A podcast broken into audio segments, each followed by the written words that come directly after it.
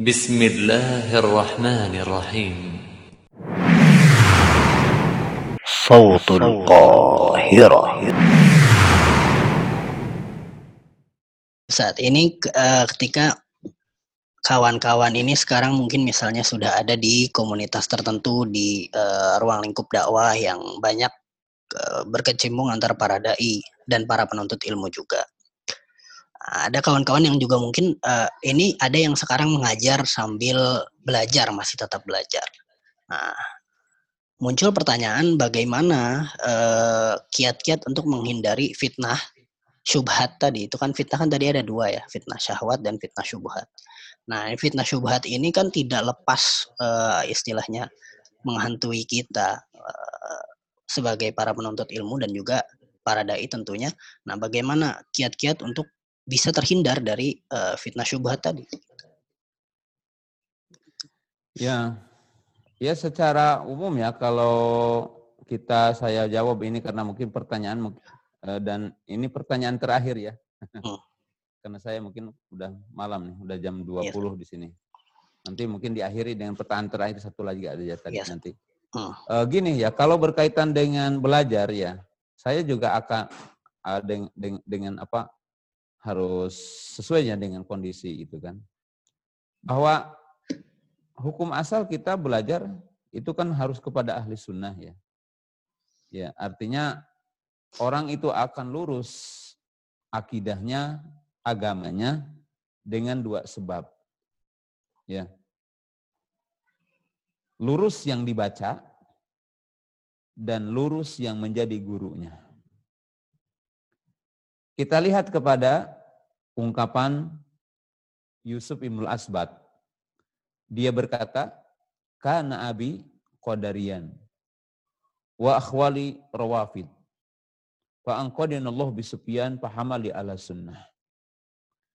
Beliau mengatakan bapakku seorang qadariyah. Jadi bermadhab qadariyah. Dan paman-pamanku bermadhab rafidah syiah. Maka aku tidak belajar kepada bapakku dan tidak belajar kepada paman-pamanku. Tapi aku belajar kepada Sufyan ibnu Uyainah dan beliau membawaku kepada sunnah. Ya. Jadi ini kaidah umum ya, yang harus dipegang oleh siapa saja dalam belajar. Ya, dalam belajar. Tapi dimungkinkan seseorang berada dalam satu komunitas yang secara terpaksa gitu kan. Dalam arti karena memang ya berada dalam satu komunitas yang di situ ya katakanlah dikatakan dosen-dosennya ragam gitu. Jadi dosen-dosennya apa? Ragam dan antum tidak bisa menghindari ya dengan sebab itu gitu. Ya. Maka harus ditebalin gitu. Dari sisi tameng manhajnya gitu. Kemudian tameng dari sisi usul akidahnya. Tameng usul akidahnya. Ketika kita berada di majelis seperti ini. Ya, artinya kalau ada mungkin dari satu ini kan perguruan tinggi dosanya tidak sama gitu kan. Dosanya tidak tidak sama.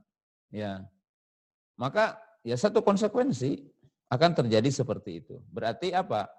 Ya kita ketahui penyimpangan secara umum dan pertebalah yaitu kaidah-kaidah untuk membantah terhadap syubhat itu, terhadap syubhat itu. Jadi itu yang harus apa? Yang harus di, di, di, di, di, di apa? Diperhatikan tetapi kalau kita dengan sengaja gitu kan di luar tempat kuliah maka jangan dilakukan. Carilah kepada syekh-syekh yang diketahui lurus akidahnya lurus manhajnya dan baik akhlaknya itu kan itu kalau di luar yang wajib gitu ya artinya di situ yang antum tentunya komunitasnya berbeda ya dan mungkin nasihat ini ya saya harus waki gitu kan memberi nasihat kepada antum jangan eh, artinya ti- ti- tidak memungkinkan untuk diamalkan oleh antum gitu kan. Nah, adapun dari sisi lain tadi bahwa ya kita kuliah ya kita ngajar, ya tidak mengapa insya Allah. Tetapi porsi untuk mengajar jangan sampai melalaikan waktu-waktu kita untuk belajar itu gitu kan. Jadi ya porsi untuk menelaah, porsi untuk meneliti itu tentunya harus lebih banyak daripada porsi kita mengajar. Gitu. Nah itulah mungkin ya pahamlah gitu mungkin sebagian tolabul ilmi baik yang di mana-mana saja mungkin di Mesir gitu kan ya di mana waktu-waktu haji gitu kan mungkin jadi para pekerja haji gitu ya. Atau mungkin dan sebagainya lah gitu. Itu tidak mengapa gitu kan tidak mengapa. Orang menjama di antara kerja dengan tolabul ilmi. Tetapi tentunya kalau ingin taparuk ya harus harus jangan sampai apa lebih banyak gitu aja gitu Allah alam.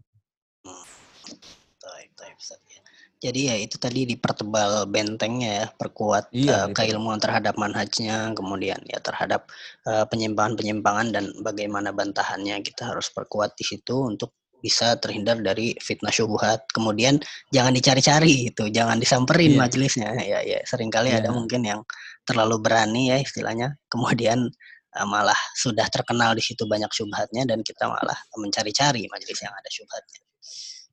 Ya, kemudian juga tadi uh, terkait menjama antara belajar dan bekerja atau belajar sambil mengajar itu ya yang penting porsinya disesuaikan.